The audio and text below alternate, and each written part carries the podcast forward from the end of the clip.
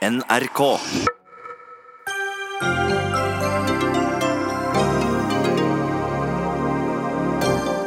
Vi må ruste oss for å møte flere år med tørke som i år, sier Senterpartiet. Og regjeringen svarer hva de har tenkt å gjøre. Enkelte områder i landet har ikke vært så tørre siden 1947. Nato-land må betale mer, USA mindre. Veldig urettferdig, skriver USAs president før Nato-toppmøtet i morgen.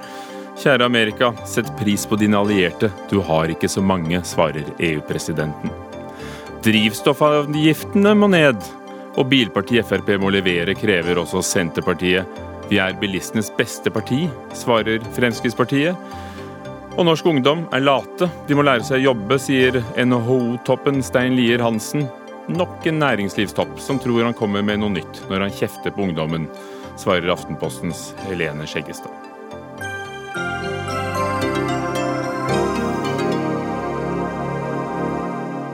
Velkommen til Dagsnytt 18 i NRK2 og P2 med Ugo Fermariello i studio. Over deler av Norge, i Sør-Norge og på Østlandet, har det ikke vært et skikkelig regnskyll siden i mai, og bøndene fortviler over hvordan husdyr, skogen og kornåkrene tar skade av de knusktørre forholdene. Bøndene har meldt inn store underskudd av rundballer med fôr til kyrne, og i Landbruksdirektoratet er ansatte blitt kalt hjem fra ferie for å håndtere krisesituasjonen. Lars Petter Bartnes, leder i Bondelaget og selv bonde i Trøndelag. Hvordan er tørkesituasjonen nå for bøndene?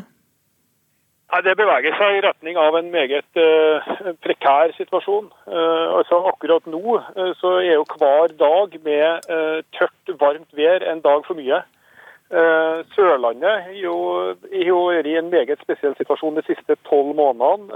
Agderfylka var utsatt for betydelig flom Eh, for tolv måneder siden. Eh, I vinter enormt mye mer snø enn normalt, og eh, mye brudd på strøm og telefon. Og nå en tørkesituasjon som gjør det vanskelig å drive biologisk produksjon. Det er utmarka som vi henter betydelige fòrressurser i, en normalsommer, holder nå på å svikte, både knytta til Eh, beiteforhold, og det er etter hvert for lite vann eh, også, så bønder kjører nå eh, vann ut til dyra på utmarksbeite. For det var det jeg skulle si. Kunne dere brukt noe mer utmark, vannet mer? Er det mer dere kunne gjort? Du, jeg, har lyst til å si, hele, si, til hele det norske folk at bonden jobber intenst med å løse ut alle muligheter som ligger. Eh, jeg kjenner bondekulturen på det at eh, man gir seg ikke over eh, tørre møkka i en sånn situasjon som dette her. Men det er klart det går utover både altså Man blir prega av det helsemessig, man blir prega av det lange dager. Og den usikkerheten som hver enkelt bonde nå som ber på, som ja, rett og slett er usikker på om en får nok fôr for kommende vinters fòrsesong. Eh, og, og, det er ingen god følelse. Det, det, det, er en krevende situasjon å stå i. Vi har uh, hørt om avlinger som er en tredjedel av det vanlige, om dyr som må sendes til slakt mye tidligere enn, enn de skulle. Og Anne Merete Furuberg, som leder uh, Norsk Bonde- og Småbrukarlag. Hvordan er det på din gård? Hvordan er avlingen? Og hvis vi teller antall rundboller, så er det en tiendedel. Jeg bor i hellende området som helles vest mot sola i eh, morenejord, og det er helt forferdelig å se det. Men som leder i et faglag så tenker jeg jo mer på medmennesken rundt meg. Nå er det virkelig viktig at vi tar vare på hverandre. Er det en typisk situasjon den du er i, for dine medlemmer? Den er eh, veldig vanskelig, og vi fikk jo mye henvendelser i i juni som var årsak til at vi henvendte oss til eh, Landbruks- og matdepartementet i brev 20. juni, som en da gikk og ventet på, purret på, purret på, og fikk jo endelig svar da 6. juli. Det kom altså et brev til dere på fredag. Hva betyr de tiltakene som kom fra Landbruksdirektoratet? Uh, mye av det er bra, uh, men da vi leste gjennom brevet, så stopper vi først opp ved noe som måtte være eh, upresist eller en feil. Men heldigvis så har det blitt de siste dagene nå rett opp. For det det sto, var at de kornbønder som høster kunne tidlig lager grovfòr for å redde fòrsituasjonen, ville kunden få det beregnet erstatning i forhold til grovfòr og ikke i forhold til korn, og det ville bli dårligere. Og Vi var redde for da at ikke så mange ville bruke den muligheten og hjelpe husdyrbønder med fòrmangelen. Men heldigvis har det blitt rettet opp, og det er mye bra i, i brevet. Og det er spesielt positivt at det er definert større områder som tørkeskadde, for det reduserer jo kostnader og ressurser for byråkrati og sjekking. Og det er positivt at uh, ministeren lover tidlige utbetalinger og òg gir muligheter til uh, tilskudd. Uh, så dette er bra. Og så har jeg en tilleggsoppfordring som ikke står i brevet, men som vi vil gi til landbruks- og matministeren. At en må opprette en fane på hjemmesida til departementet der det er mulighet til å stille spørsmål om tørken. Vi får nå men, men vi, kan ta, vi, kan spare litt på, på, på, det poenget her. For her sitter vi ikke med statsråden, men med Hanne Maren Blåfjelldal, statssekretær i, Landbruksdepartementet fra Fremskrittspartiet. Rask saksbehandling, definere områder som tørkeområder, sånn at det ikke behøver å sjekke så mye mer rundt det. Eh, får erstatning som korn, selv om det brukes til fôr. Eh, hvordan har dere jobbet med denne situasjonen? Eh, vi følger situasjonen svært tett, og vi har stor forståelse for at det er en krevende situasjon for norske bønder. Både økonomisk og menneskelig. Og jeg ser jo at bondeorganisasjonene er veldig flinke til å vise solidaritet med hverandre, hjelpe hverandre både med grovfòr og med eh, informasjon i den situasjonen, og det syns bondeorganisasjonen skal ha stor uh, ros for, som også blir sagt i innledninga av de to uh, bondeorganisasjonene. Uh, vi har handla raskt. det er nå situasjonen er, og vi sendte et brev til Landbruksdirektoratet på fredag. Eh, og Det vi gjør, er bl.a. å eh, innføre nulltoll på import av høy og halm, eh, for å se om det kan bidra noe. Og så har vi også gitt signaler om rask saksbehandlingstid, fortrinnsvis i 2018. Og så har det også vært viktig for oss eh, at de bøndene som eh, velger å slå kornavlinga nå og bruke det som grovfòr til dyra, de skal ikke tape produksjonstilskudd på det. Og Det var et viktig nytt tiltak vi innførte eh, på fredag. For det var det jo en del forargelse om, at de kunne risikere å, å tape det tilskuddet hvis det ble brukt som fôr som dyra trengte. Ja, og Det var viktig for oss at regelverket ikke skulle være i veien for at bøndene skulle gjennomføre tiltak for å sikre, for å gjøre det de kan for å få til grovfôr. Og så er det jo også viktig å understreke at politikken har jo sine begrensninger oppi det her. For, for, for La oss høre da med Bondelaget. Hjelper dette nok? Altså Null import på, nulltoll på import av fôr, men, men er det fôr nok å få tak i? Det har vært tørke både i Sverige og Danmark og andre land. Ja, Vi er nok i en uh, situasjon med våre yrkesbrødre både ja, i Norden og for så vidt deler av Nord-Europa, der, der, vi tradisjonelt bruker å hente fôr i sånne situasjoner. Eh, tørkeproblemer flere plasser, eh, som gjør at eh, noe begrensa vil det være. Men jeg mener det er positivt at departementet leter muligheter og ga den, den åpningen. Blir det mange dyr? Det skal også understrekes at hvis man henter stråfôr, grovfòr, på stor avstand i land langt fra Norge, så øker jo risikoen også knytta til smitte og innføring av husdyrsykdomssmitte i landet Norge er svært uheldig. Vi har god helsestatus, og det må vi holde høyt også i denne situasjonen. Betyr det at dere må slakte en del dyr før det var planlagt, at det blir mer kalv og mindre okse? Ja, nå er det, I den fasen jeg er i nå, eh, så er det viktig å samle alle fòrressurser som er mulig å samle. Eh, og Så vil jo status eh, settes opp på hvert enkelt gårdsbruk etter hvert. og jeg tror jo det, det, er ingen tvil om at det kommer til å bli slakta mer dyr enn normalt. Og Jeg håper at, at vi klarer å unngå en masseslakting. Det jobbes godt også i kraftfòrindustrien med sikte på å skaffe fram gode kraftforslag som i denne vintersesongen kan bidra til en bedre fòrmiks. fôrmiks. Vi må ha rasjonering på grovfôr i den situasjonen som vi møter nå. Det er ganske sikkert. Så det er ikke så enkelt at alt er løst med politikken. Men Geir Pollestad, stortingsrepresentant fra Senterpartiet, hva syns du om eh, regjeringens håndtering? Det er i hvert fall viktig her å erkjenne at det er en krise som en står oppi, oppe i, som både rammer landbruket, men som også er et et samfunnsproblem. Hvordan, hvordan, rammer det oss som ikke er direkte i, fordi i landbruket? At, eh, fordi at nå har vi hatt eh, to krevende år. I fjor med for mye regnvær. Eh, I år med tørke. det er ikke bare bøndene som spiser mat, det gjør alle. Og det vi trenger å opprettholde matproduksjonen i Norge. Når det gjelder de konkrete tiltakene som regjeringa har kommet med, så er de i tråd med de ønskene som vi har hatt. Det var bra at de kom. Så tror jeg ikke at en må tro at dette er nok. Jeg tror det senere vil vært et behov for nye tiltak. For dette handler både eh, om å legge til rette for at eh, en skal redusere konsekvensene mest mulig, men en må jo òg jobbe for at den enkelte bonde eh, blir minst mulig økonomisk skadelidende og, og av et endret Nei, altså En kan tenke på, på, mange ulike typer virkemiddel. De skal ikke jeg konkretisere nå. Det mener jeg at det er bøndene som er nærmest til å se hva og foreslå eh, tiltak, så får vi politisk ta stilling til dem. Men eh, på litt lengre sikt så mener jeg at eh, dette både synliggjør at det å få på plass en fondsordning i jordbruket, som gjør at bøndene kan sette av penger med en skattefordel i gode år, for å være bedre rusta i dårlige år. Det er en ordning som regjeringa iallfall på papiret har sagt at de er for, selv om en i Stortinget stemmer imot. Det vil være ett tiltak. Det andre er at den situasjonen som har oppstått nå, viser hvor sårbar matproduksjonen er.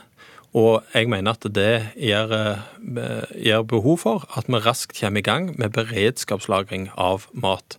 For hvis vi får flere år som dette, så vil konsekvensene kunne være at vi får problemer med matforsyningen. Så da tenker du mat til mennesker og ikke fôr? Da tenker jeg mat til mennesker, og da tenker jeg først og fremst beredskapslagring av matkorn, noe Norge burde ha hatt. Blåfjelldal, to konkrete forslag her eh, som har vært på bordet tidligere. Et fond for bønder til eh, år, uår som dette, og kornlagre. Nå er jeg opptatt av at vi skal løse den situasjonen som er nå. og Det er det vi har eh, prøvd å gjøre det vi kan gjøre politisk ved å sende ut det brevet på eh, fredag. Og det sa du, og der har du jobbet ja, og, og, og, så er det jo viktig raskt. å understreke at jeg prøvde å si i stad at eh, det er grenser for politikken. Og det er jo klart at det er regn som skal til for å løse den situasjonen vi er oppe i nå. Men så har vi avlingsskadeerstatningsordninger i Norge. Og de som opplever avlingsskade, de har jo rett på eh, erstatning. Og det var alt dette det... som dere da til og med lempet på og lovet rask saksbehandling. Men det ja. Pollestad ber dere tenke på nå, er på lang sikt? Fordi ja, men, dette kan skje igjen. Men gro, Det er jo problemet å få tak i grovfòr nå. Det er jo eh, helt utrolig at uh, han tror at et eh, kornlager for matkorn skal løse den situasjonen. Så jeg er opptatt av at vi må diskutere den situasjonen vi er oppe i nå. og det har vi gjort ved å gjennomføre da et tiltak om gjorde på, på fredag. Men dere har vel gjort dere noen tanker om å og se litt lenger frem også? Om... Ja, klart vi må se lenger, uh, lenger frem òg. Og uh, det er jo ingen tvil om at norske bønder de er eh, avhengige til, altså de er vant til å takle vær. De er vant til å takle ulike, uh, ulike omstendigheter når det gjelder vær og klima. og er også og gjør også mange viktige tiltak nå for å takle den situasjonen som er oppe i. Men så er det jo... For, for, for verken fond eller kornlagre ville bøtet på situasjonen eh, nå, Pollestad? Nei, og det ville faktisk ikke rein heller ha gjort. fordi at uh, i veldig mange tilfeller så er skaden uh, skjedd. Selvsagt så håper også Senterpartiet vi danser reindans, og vi, vi håper alt vi kan at det skal komme rein. Men jeg mener at det er viktig å se både på kortsiktige lang, uh, tiltak der har mitt honnør til de forslagene som regjeringa har fulgt opp, og det jordbruket har foreslått. Veldig bra. Eh, og så mener vi, og vi har jo tidligere foreslått, både fondsordning og beredskapslagring av matkorn. For det Vil dere se på det? Jo, men det som er så viktig, det er at regjeringa oppfører seg som at tilgang til mat og nok mat er en selvfølge. Og Det er der vi skiller litt lag. Hvor mange dette, uker skal det holde, det lageret du har lyst til å ha? Nei, I første omgang iallfall et seks måneders uh, beredskapslager av matkorn. Senterpartiet ønsker nok primært å få opp til tolv måneders beredskapslagring. Nå blir det masse av tid til å diskutere beredskapslager for matkorn, for det kommer til å komme en sak til uh, Stortinget Stortinget om, eh, om, det i løpet av neste år. Eh, og så er det jo slik at Opposisjonen sitt privilegium er jo alltid å kritisere regjeringa og mene at de ikke gjør nok. Vi mener at du fikk du skryt da for det dere gjorde nå? Ja, ja, men det er alltid skryt med en eh, viss sånn bi, bismak når det kommer fra opposisjonen. Men jeg er opptatt av at vi har gjennomført tiltak for å, løse, for å legge til rette for å løse den situasjonen nå med mangel på grovfòr, og det er faktisk det viktigste. Fornøyd med svaret? Ja, altså jeg prøvde jo å gi ros, da. Eh, det ble ikke helt vel tatt imot. Og så har vi Altså dette med fondsordning og beredskapslager av matkorn er jo ikke en ny idé. Regjeringa har vært negative. Stortinget tror jeg, har et flertall for å få dette på plass. Så vi vil eh, fortsette å kjempe for dette i, eh, i Stortinget. Men nå er det den kortsiktige løsningen som er den Takk aller, aller viktigste. Geir Pollestad fra Senterpartiet, Hanne Marm Blåfjelldal, statssekretær i Landbruksdepartementet, og takk også til Lars Petter Bartnes, leder i Bondelaget, og Ann Merete Furuberg, leder i Småbrukarlaget. Dagsnytt 18 alle hverdager kl 18.00 på NRK P2 og NRK2. Nato-landene samler seg til eh, toppmøte. USAs president Donald Trump er på vei til Brussel for å få europeerne til å betale mer. Og som det er nå, er det ifølge ham selv veldig urettferdig med utropstegn. Han skrev det på Twitter. EU-president Donald Tusk har slått tilbake. Kjære Amerika, sett pris på dine allierte. Du har ikke så mange. Frank Bakke-Jensen, forsvarsminister. Eh, hvordan vil du forholde deg til den spenningen som er omkring EU eh, e og Nato når det gjelder hvor mye som skal betales? Nei, det er jo en, en Nå får vi antagelig se den tweetinga til de to presidentene i, i, lys av at det også er en diskusjon om, eh, om tolltariffer. Den har ikke vi så, eh, så, veldig mye å gjøre med på, på dette møtet. Vi har en god historie å fortelle. Alle landene er enige om at vi må gjøre noe med byrdefordelinga. Europa må betale mer. Det, det, det, var man enige om allerede i 2014. Alle landene har gjort noe med det. Vi har altså snudd forsvarsbudsjettene fra å gå ned til at alle går opp. Og så har vi en god plan for, eh, for, hvordan vi skal oppfylle de forpliktelsene vi har, eh, vi har eh, gått inn på. Du har en god historie å fortelle, sier du. Kan du, kan du fortelle den nå? Ja, altså vi har, vi har siden 2014 økt de norske forsvarsbudsjettene med 24 vi, har, vi investerer i kapasiteter som som vi bruker for å, å, løse det kollektive oppdraget vi har for Nato. Vi er Nato i nord. Det er vår oppgave å ha en god situasjonsforståelse i, i nord.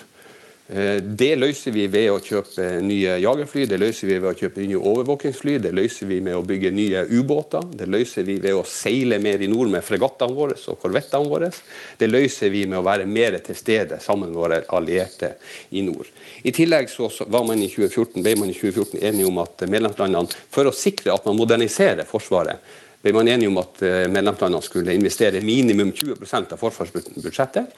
Eh, det skulle være nye investeringer. Der er vi på eh, rundt 25% nå, og det øker hvert år. Sånn at vi har på mange måter en veldig god historie å fortelle. Frank Bakke-Jensen, aller først, hvis du har en løs mikrofon, kan du, kan du se og holde den rolig? Det er et eller annet som gnisser litt.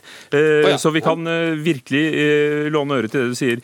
Men SSB har altså på oppdrag av Klassekampen regnet ut mye mer vi må bruke for å nå målet om 2% av BNP på forsvar innen 2024. Og de har regnet ut at det blir 23,6 milliarder kroner mer i året.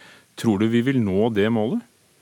Vi har sagt at vi, altså Forpliktelsene vi har, vi har uh, blitt enige om i, uh, i, Wales i 2014, det er at vi skal bevege oss mot å bruke 2% Samtidig så skal vi bruke de pengene på riktige kapasiteter, sånn at vi blir, uh, gjør en betydelig jobb for Nato-kollektivet. Samtidig skal investeringen vår være minimum 20 av, av forsvarsbudsjettet. Så er det sånn at, at BNP det er prognoser vi snakker om nå. BNP for 2017 fikk vi vite i 2018. BNP for 2018 får vi ikke vite hva er før i 2019. Sånn at jeg er ikke så veldig opptatt av de regnestykkene. Det jeg er veldig opptatt av, det at vi har lagt en god langtidsplan nå som gjelder fra 2016 til 2021. Eh, den er vi opptatt av å følge, og den følger vi sånn at vi forbedrer Forsvaret hver dag. For Trump virker vi, som han er veldig opptatt av de prosentene, skjønner du? Jo, men så har vi også sagt at premisset for neste langtidsplan, som vi har starta arbeidet med nå, skal være at vi skal øke ytterligere, sånn at vi beveger oss mot eh, å bruke 2 av, eh, av bruttonasjonalprodukt i 2024.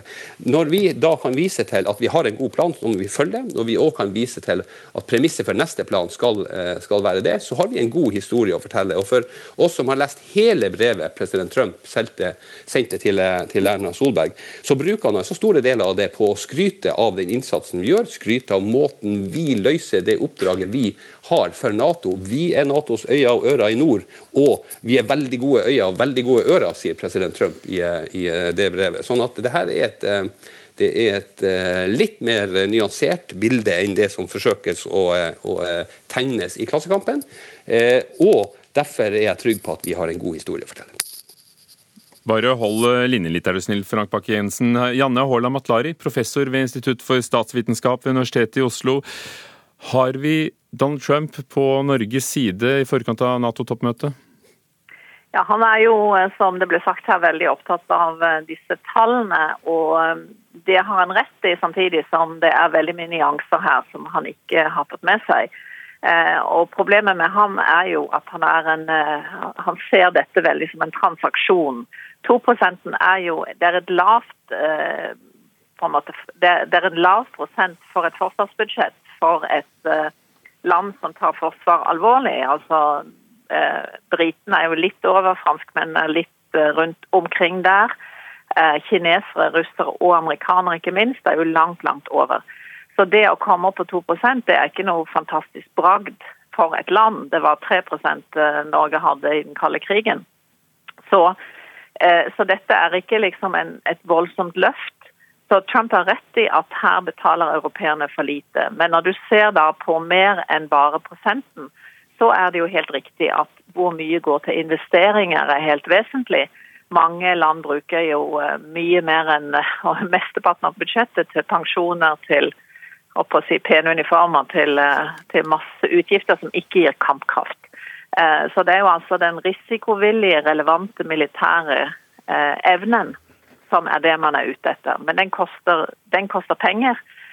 Så altså både prosenten og det som er inni Eh, den pakken er uhyre vesentlig. Og det er klart at eh, Norge gjør noe for fellesskapet Nato som ingen andre gjør i Nord-Norge, i Barentshavet, på etterretning. Eh, og det er jo uhyre viktig, og er, der er det Norge som forsyner Nato med kan man si, kunnskap i veldig stor grad. Så det er, det er helt riktig at vi har komparative fordeler innen Nato, at vi gjør, vi gjør veldig mye. Men vi må også opp Eh, vi må også bruke mer på Forsvaret. Nato-toppmøtene er jo blitt litt av et skue etter at eh, Donald Trump er kommet på banen, og, og ikke minst eh, vår egen Jens Stoltenberg som generalsekretær gjør kanskje at vi, vi ser litt mer på det. men han har jo ikke alltid vært diplomatisk, Trump. Sist på bildet så skubbet han unna Montenegros statsminister for å komme i første linje selv. Han sender ut meldinger som, som er mildt sagt udiplomatiske. Har han noe å true med? Gjør Trumps tone noe med møtet, eller er de så proffe, alle bakmenneskene, at det ikke spiller noen rolle? Ja, jeg tror han, han, har jo ikke noe evne til å følge lange resonnementer. Så han, han, gidder ikke det, orker ikke det. Så det er jo liksom eh, den transaksjonstankegangen. Hva får jeg ut av hva får vi ut av dette? Hva gir vi, og hva får vi? Og da må jeg jo si at Det er jo eh, på en måte ikke sånn en militær allianse fungerer på ett vis. Men samtidig er det 70, mer enn 70 år siden annen verdenskrig, og dette fattige, nedbombende Europa er jo nå noen av verdens rikeste land. Så, så, han har rett i at hvorfor skal amerikanske skattebetalere da finansiere relativt sett mye mer? Eh, så europeerne, Mange europeiske land som er eh, vil jeg si, gratispassasjerer i Nato i veldig stor grad, som ikke tar dette alvorlig, for de regner med at amerikanerne betaler likevel. Så der eh, har han et eh, kjempeviktig poeng. Samtidig så er det jo sånn at det er i amerikansk interesse at eh, Nato består, at det er europeiske liberale demokratier i, i Europa. ikke sant? At Europa er alliert. Det har altså USA ønsker seg også det. Men, men går det an, unnskyld, unnskyld, at jeg avbryter, Matlari, men går det an ja, å, å, å, se dette også da, som Bakke-Jensen var inne på, i sammenheng med den handelskrigen som pågår om uh, toll på stål og aluminium og, og, og varer, ja, og at han vil bruke dette? Ja, altså Trump forstår jo ikke dybden i hva en militær allianse er for noe. hva Dette er noe, dette er noe mye mer enn hvem som betaler hva. Og eh, det at han hele tiden tenker kortsiktig på amerikanske interesser, gjør jo da at man ikke bygger denne altså Det er en enorm krise i det transatlantiske forhold pga. ham. Fordi at han tenker eh, kortsiktig på Amerikas eh, fordel. Han tenker på innenriksfordeler i stedet for de lange linjene. Så det, Han er jo en hotellkonge i en, et helt nytt felt internasjonal politikk som han ikke kjenner og ikke på en måte vil sette seg inn i. Så her må jo, jeg vil si Europeerne må tenke slik OK, nå har vi han, kanskje han til og med blir gjenvalgt. Da må vi stå mer på egne ben. For det, vår, det gir oss sikkerhet når vi selv har mer kontroll. Takk skal du ha, Janne Haaland Matlari. Frank Bakke-Jensen, forsvarsminister. Stå mer på egne ben. Det transatlantiske forholdet er i dyp krise. Hva er din kommentar til, til den observasjonen? Ja, eh, det, er, er ikke, det, er jeg ikke, umiddelbart enig i. Eh, det er to ting med det. For det første så ser vi faktisk også et mer samla europeisk Nato nå. Vi ser også flere europeiske initiativ til å samarbeide, både regionalt og, innenfor for, for EU. Så er det også sånn at En sikkerhetssituasjon gjør jo at vi står foran en del andre kriser enn rene militære. Da skal vi være glad for at Nato først og fremst, det er en militær allianse, men det er også en, en uh, politisk organisasjon. Det gjør at vi kan være rusta for oss å ta den typen utfordringer. Og så registrerer vi at her er flere og flere gode samarbeidsprosjekter mellom Nato og EU. Og at uh, vi ser et, et, et, Europa som på mange måter eh, løfter seg og står mer på, på, på egne ben. Nato og EU undertegnet jo en avtale om samarbeid på mange sikkerhetsområder i dag. Hvem skal du møte ja. i Brussel? Du, jeg skal møte alle mine, altså alle forsvarsministrene i, eh, i, Nato. Kommer jo til en setting der jeg skal være. Eller så, så dulter vi på, møter vi amerikanske og, eller Nato-ledere i, eh, i uh, Brussel. Det er tredelt. Her er jo statslederne pluss utenriksministrene har sitt, forsvarsministrene har sitt. sånn at vi, vi, driver og, vi jobber i flere lag her nede de her dagene. Og dulter på amerikanerne? Ja, dulte borti europeere og amerikanere. Så har vi partnerland som er her. Her er det svensker, finlendere. Her er det mange som, er, som er, er, inne og jobber for en eh, god sak og står på for et, en, en, eh, demokratisk verdi. God tur, Frank Bakke-Jensen, forsvarsminister fra Høyre, og takk også til Janne Haaland Matlari, professor ved Universitetet i Oslo.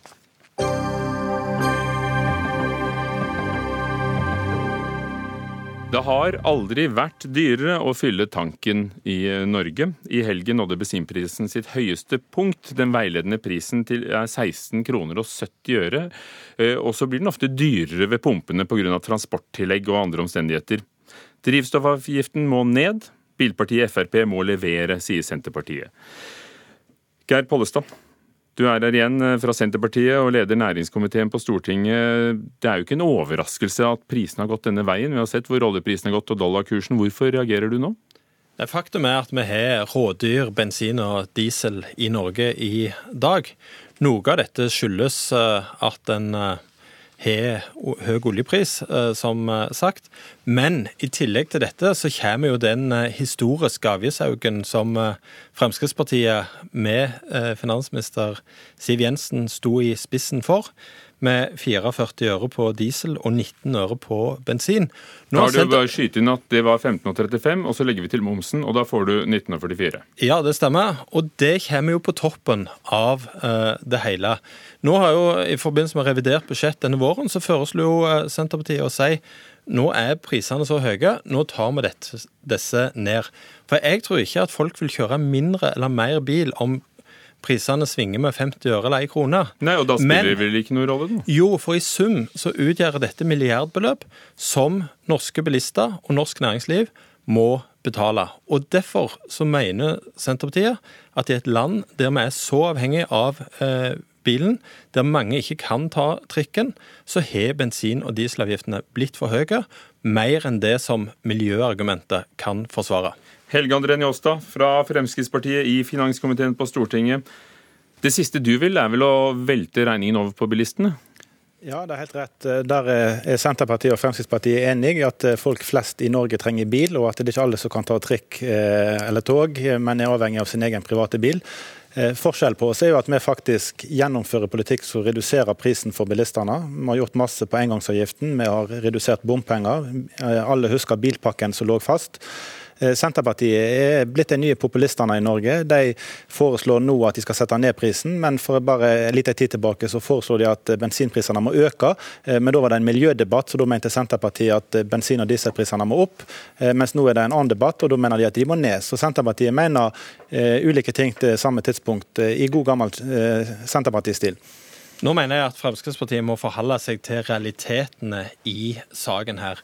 Og det er at, eh, For å bruke Erna Solberg sine ord, eh, Frp og Høyre har økt drivstoffavgiftene mer på ett år enn de rød-grønne gjorde på åtte år. Så snakker Njåstad her som om bompengene har gått ned. Bompengene i Norge har gått opp år for år når de har sittet i regjering.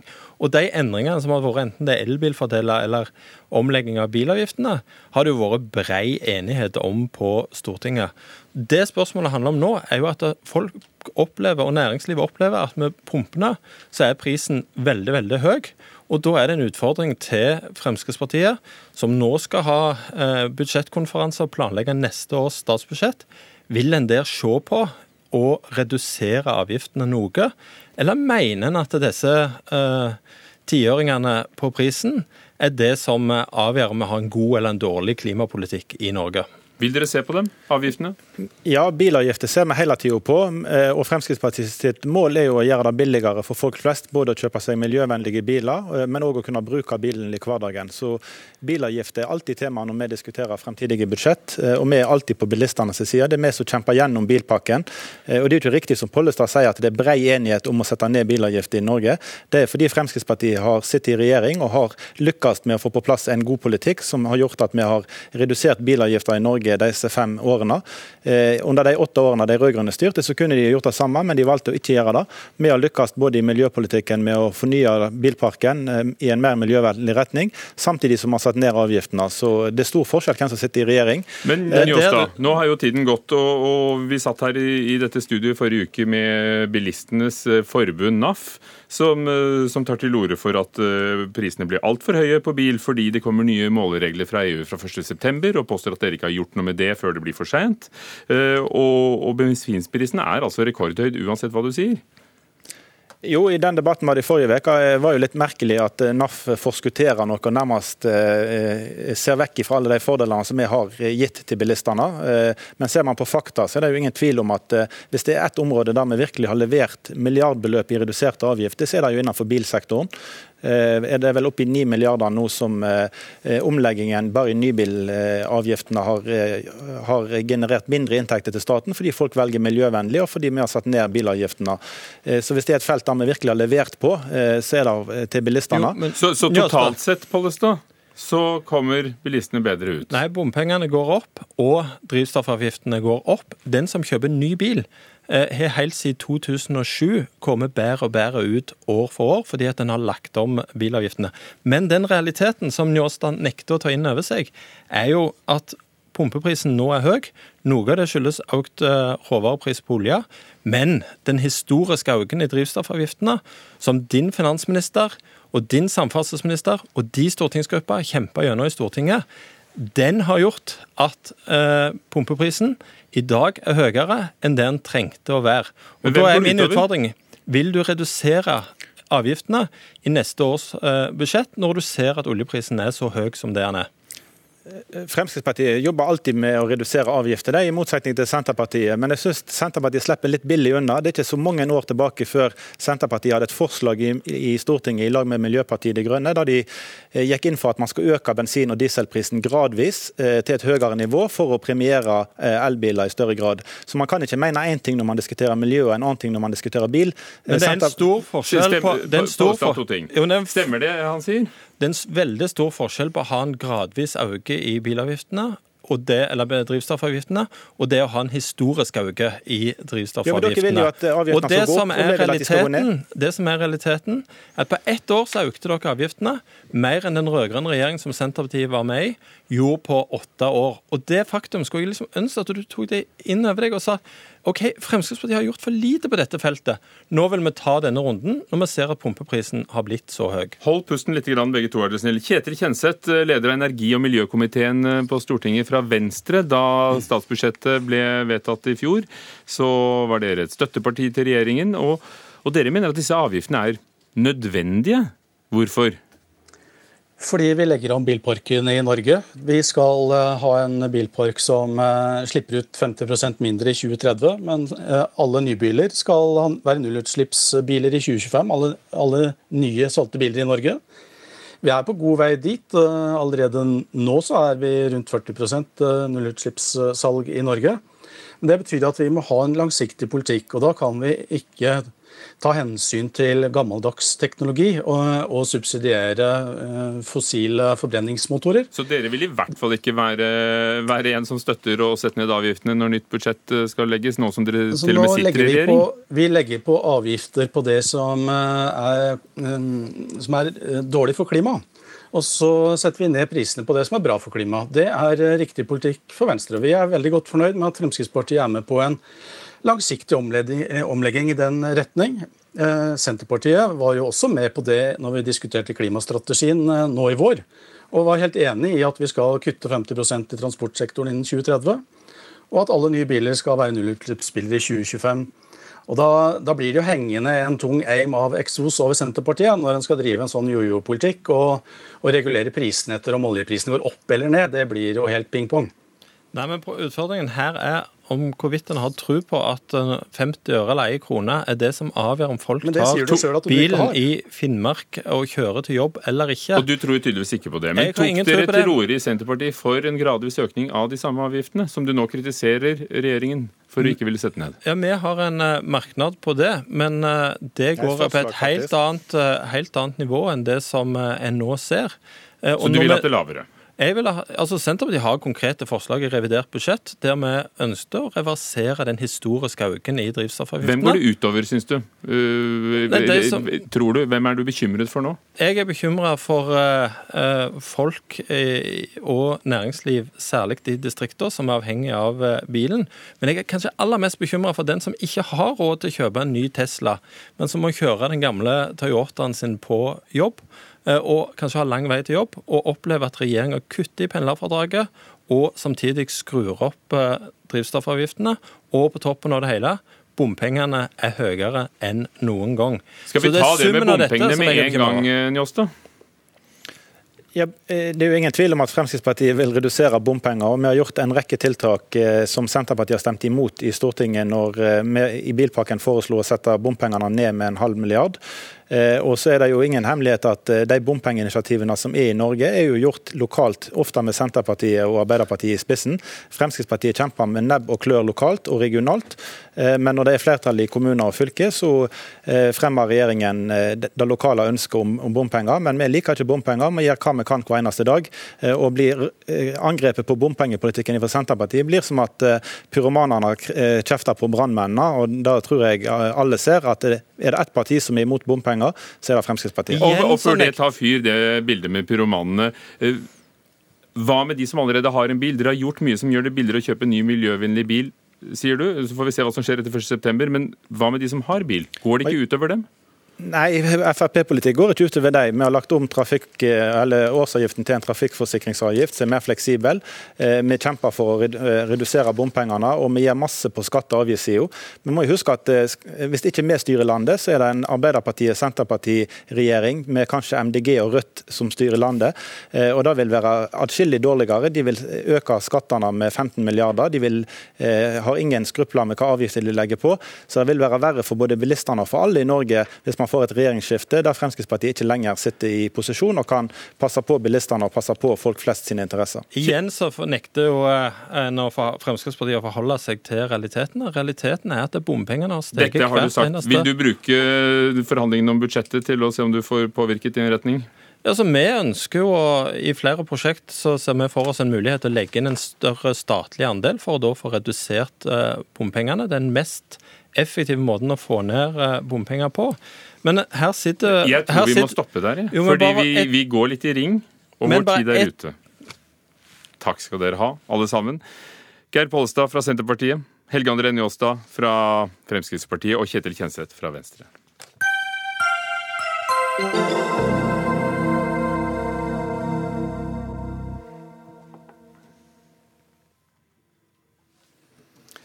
Du har sikkert eh, sett dem. Røde i Trondheim, blå i Oslo og grønne i Bergen. Vi snakker om bysyklene som står på stativer klare for bruk. Men mange som tar dem, bruker jo overhodet ikke hjelm, for det har de ikke med seg. Og i disse dager eh, så kommer det nye sykkelveier, røde stier i både Oslo og Bergen for å gjøre byene mer sykkelvennlige. Men kanskje kan også sykkelhjelmen spille en rolle i dette. I Bergen eh, er det nå nettopp en ganske opphetet debatt om folk bør ha på hjelm når de bruker bysyklene. Mette Magnussen, distriktsleder i Trygg Trafikk. Eh, du mener det er en god idé. Hvor mye tryggere er det å ha hjelm for en syklist, helt uavhengig av hva slags farkost man har eh, under beina? Ja, Det er jo ikke noe tvil om at sykkelhjelmen den hjelper for én ting, og det er hodeskader. Og det er det jo flere rapporter som viser, og bl.a. Eh, TØI, Trafikkøkonomisk institutt, med en forsker der som heter Høie, hun har jo gått gjennom 53 studier som viste at hodeskadene ved bruk av sykkelhjelm ble, totalt sett ble redusert da med 49 og at antall hode, alvorlige hodeskader gikk ned med 60% Så det er smart å bruke sykkelhjelmen. Hvor langt skal myndighetene gå synes dere i Trygg Trafikk, for å få syklister til å beskytte hodet? Jeg tror vi må, sitte, vi må vente litt nå og se når det gjelder sykkelulykker generelt. Nå er det jo et nasjonalt mål at flere skal ut på sykkel. Og vi håper jo at ulykkene ikke går opp sammen med at flere sykler. Så vi må se litt på hva skjer framover nå. og Viser det seg at det blir mye ulykker, mye hodeskader, så må vi gå inn og gjøre noe. Vi kan ikke sitte og se på at så mange mennesker faktisk blir skada og får alvorlige hodeskader. Sondre Bostrand, gruppeleder for Miljøpartiet De Grønne i Bergen bystyre. Er det da en god idé å friste folk med mange sykler som står overalt, og, og hvor de da sannsynligvis ikke har hjelm? Ja, nå må vi ikke dramatisere for mye. Det å sykle er ikke så skummelt. Eh, men det er klart at sykkelhjelm er positivt og reduserer hodeskader. Det er det ingen tvil om. Og Så er det spørsmålet om en skal innføre et påbud. og Da frykter jo vi at færre vil sykle. Bysyklene er veldig populære. Det sykler folk rundt i byen hele tiden nå. Og, men de har ikke hjelm.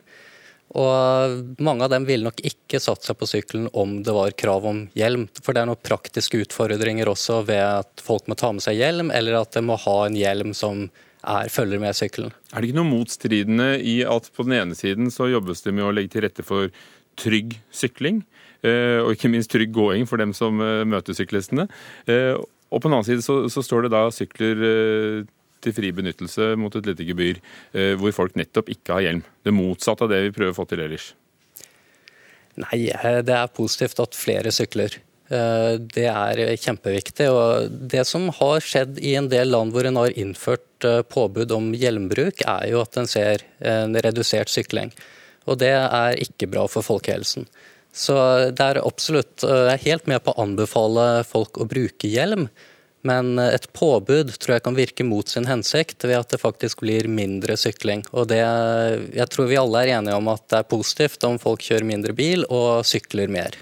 Er du det, Mette Magnussen? Ja, absolutt. Og vi er ikke uenig i det. Jeg syns det er kjempefint med bysykler, og at antagelig vil få flere til å la bilen stå. Men vi syns også det er veldig, veldig bra at disse bruker hjelm. Og jeg vil bare si litt i forhold... Men Er det, en illusjon? For bysykler plukkes jo opp på gaten, og, så, og, kanskje til og med nattestid etter en rangel, og så sjangler man hjem. Jo, men hvis man kan få folk til å tenke over at i dag skal jeg til byen, og jeg kommer mest sannsynlig til å ta en bysykkel hjem, så er det veldig smart å ta med den hjelmen.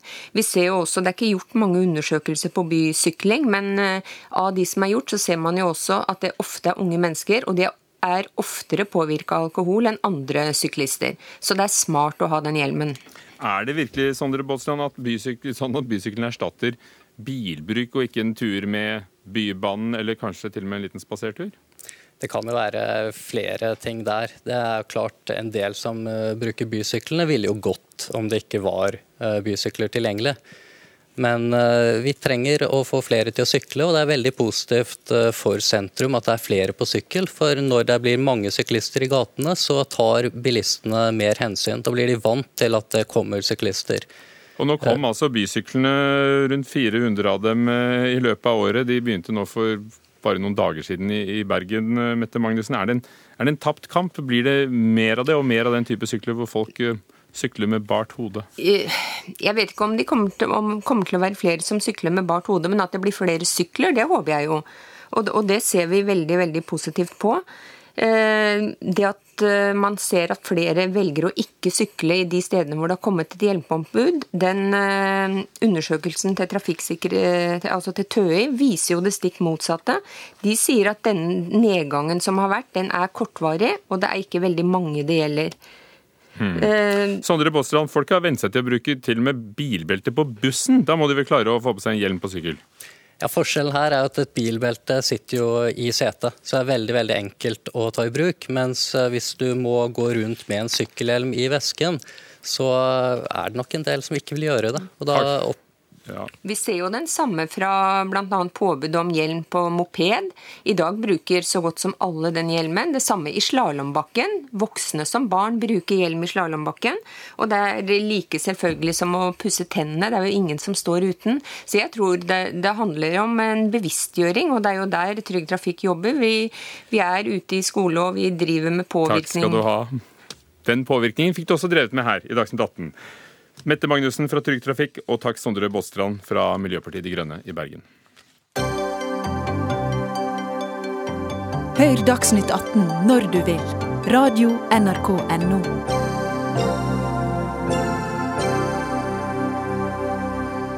Lio Chia, nobelprisvinner Lio Xiaobos enke, har landet i Berlin. Hun har fått reise fra Beijing Kinas hovedstad, hvor hun har sittet i husarrest i mange år. Mannen hennes, Liu Xiaobo, fikk nobelprisen eh, i 2010, året etter at han var blitt dømt til elleve års fengsel for undergravende virksomhet, som det het eh, i dommen. Han hadde undertegnet på Charter 08, som tok til orde for mer menneskerettigheter og mer demokrati i Kina. Harald Bøckmann, Kina-forsker, sinolog, og du har selv oversatt mye av det Liu Xia har skrevet, eh, for hun er jo nettopp dikter. Hva vet du om hvordan hun har det nå? Det vet jeg ingenting om, men jeg kan jo tenke meg at hun er fullstendig nedkjørt. Eh, hun er nok utrolig letta og glad, men eh, ut fra det vi har kunnet følge med de siste månedene, var hun i ferd med å gi fullstendig opp. Både fysisk og psykisk. Liu Xia er altså ute av landet. Dette skjer i forkant av toppmøtet mellom Kina og Tyskland i eh, Berlin. Eh, men er hun fri? Hvor fri er hun? Nei, hun er eh, fri med et forbehold. Fordi hennes bror, som har vært hennes nærmeste støtte, han fikk ikke utreisetillatelse. Og det har vært en plan som jeg har hatt hele tiden, fra, både for å få med Liu Xiaobo før han var dødssyk, at de tre skulle reise ut. Så nå da er altså hun. Det betyr at kinesiske myndigheter de har et, eh, et trumfkort som gjør at eh, hun må legge bånd på seg. Men samtidig er det helt åpenbart at denne broren hennes støtter henne i dette som har skjedd nå. Så i, i hovedsak så er det jo en veldig gledelig hendelse. Hvordan har livet hennes vært i, i husarrest? Ja, jeg har ikke vært flue på veggen, men altså ut fra hvordan hun har reagert Uh, hva hun har opplevd familiemessig. Uh, hun mistet mor og far. Uh, så mista hun mannen sin.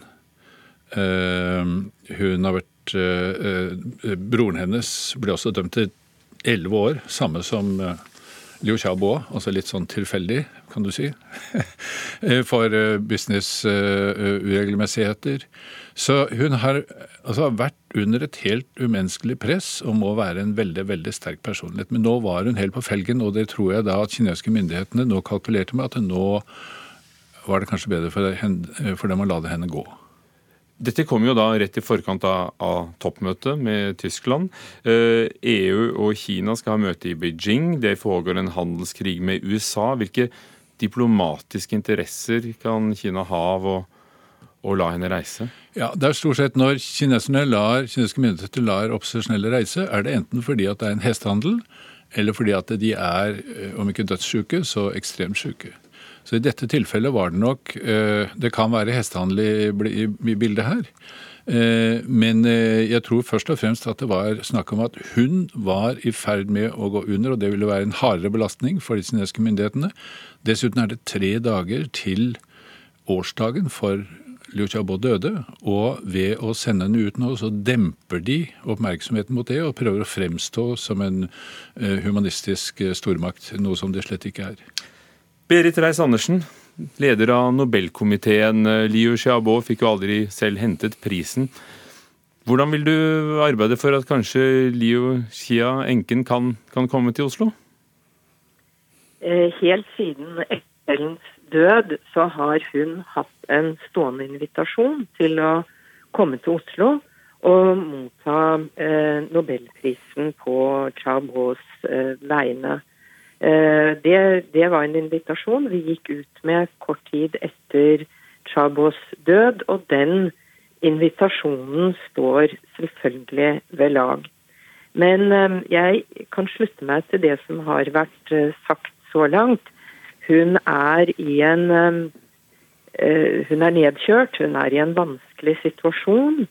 Og Den norske Nobelkomité vil, når Chia er klar for det, være i dialog med henne om når og hvordan hun ønsker å motta prisen på sin manns vegne. Hadde hun fått husarrest, tror du, hvis ikke det var det at Norge, eller Nobelkomiteen, ga mannen hennes fredsprisen? Dette er et eh, dilemma som Nobelkomiteen ofte står oppi. Eh, det å gi en nobelpris kan være en stor belastning, og noen ganger sette prisvinneren i fare. Og her er det altså ikke bare prisvinneren som definitivt var i fare, selv om han var fengslet allerede da han mottok prisen. Men hun har eh, båret en betydelig straff på sin manns vegne, selv om hun aldri har vært eh, dømt for noe som helst. Ja, Bøckmann hun skrev ikke under på Carta 08, Charter 08. Hun uh, har ikke vært politisk eh, aktiv. Hvorfor fikk hun husarrest? Var det Nobelprisen? Ja, ja, det var fordi hun var gift med han som fikk Nobelprisen. og Hun sagt, har jo sagt sånn ironisk at eh, man må ha en egen ny klausul i Grunnloven. At det er forbudt å være gift med en som får Nobelprisen. Tror du hun tør å komme til Oslo Og motta prisen? Ja, men jeg synes, og da vil jeg undersøke det som eh, Berit Andersen sier, at det, nå, nå, må vi ikke rive henne i stykker. Nå må vi ikke dra henne eh, og, og, og hale i alle retninger og liksom skal ha vår del av henne. Hun må få ro, bygge seg opp. Det kommer til å ta lang tid. Hun er dikter. Du har oversatt en del av det hun har skrevet. Hva skriver hun? Hun er en underfundig og veldig kan si, ukonvensjonell poet. som eh, Jeg hadde ikke noe, visste ikke hva det var da jeg begynte å se på det, men eh, etter hvert så har jeg blitt veldig imponert over det. Og ikke bare det, men de var jo De drev en sånn poetisk konkurranse seg imellom, altså, eller en samtale via dikt. Fra fengselet til hjemmet? Ja, mye, mye, av det han skrev i fengselet, ble, ble Eh, ble konfiskert. og Særlig alle kjærlighetsdiktene hans. De ble konfiskert, så de er det lite av, men hun har klart å beholde noen. Takk skal du ha. Harald Bøckmann, som har oversatt og, og kjenner allting kinesisk, og, og Berit Reiss-Andersen, leder av Nobelkomiteen.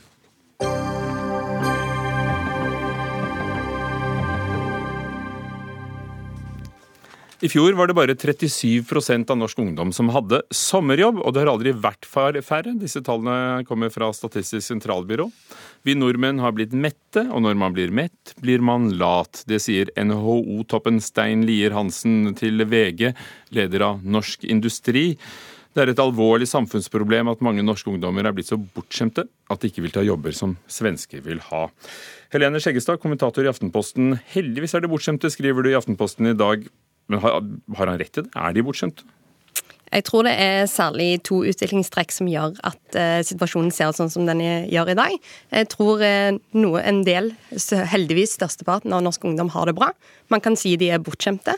Jeg mener at det er ikke nødvendigvis en dårlig ting. Og så ser man et arbeidsmarked i endring, der det er vanskeligere for de eh, ufaglærte å, å, få jobb.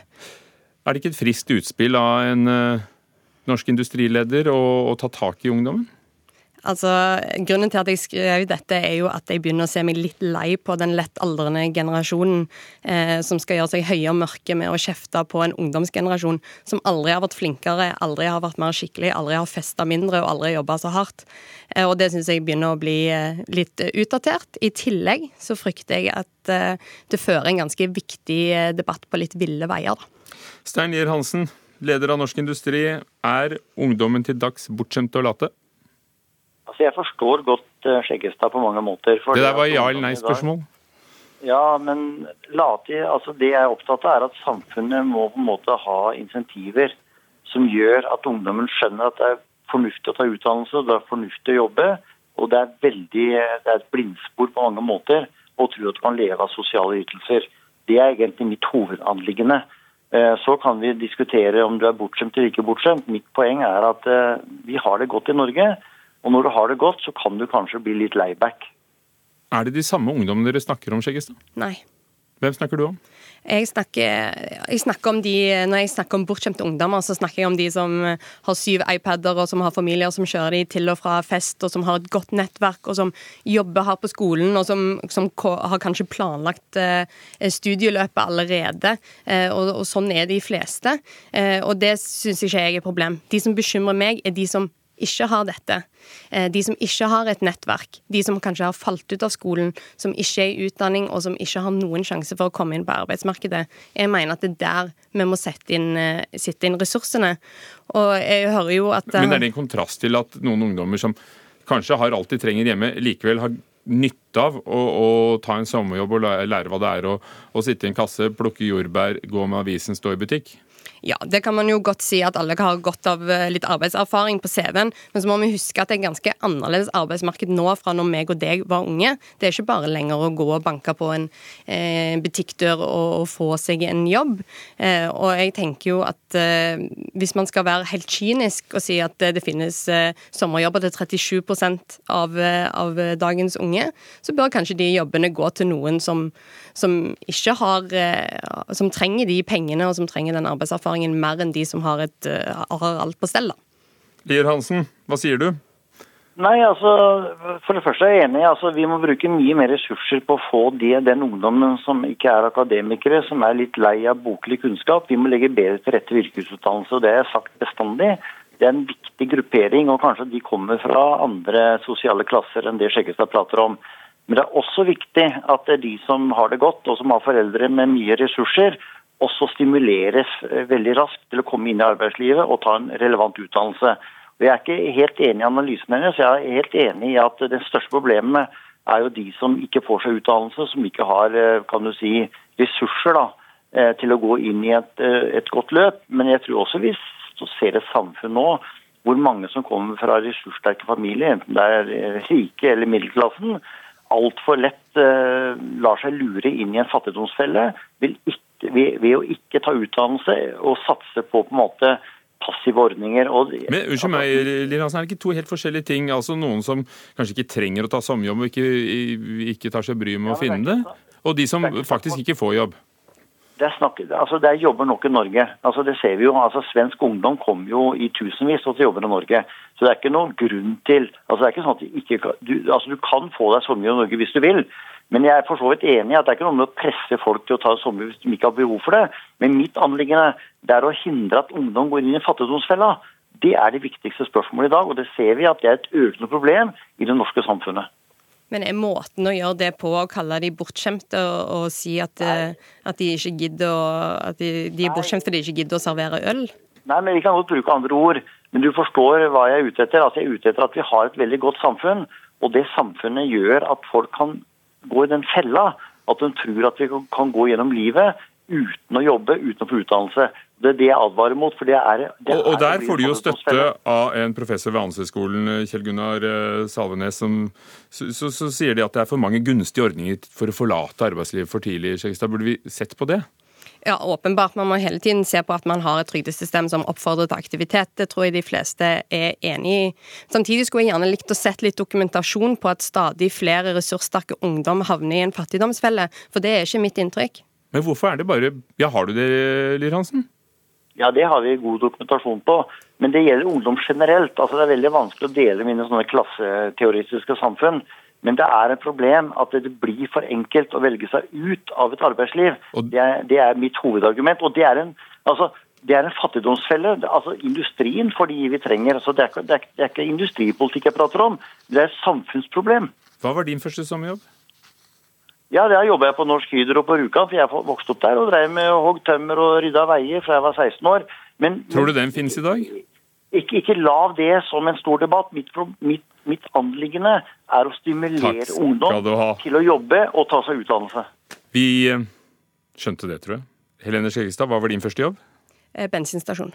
Takk skal dere ha, begge to. Fredrik Lauritzen var ansvarlig for Dagsnytt 18. Marianne Myrhol teknisk ansvarlig. Ugo Fermarello programleder. Takk for nå.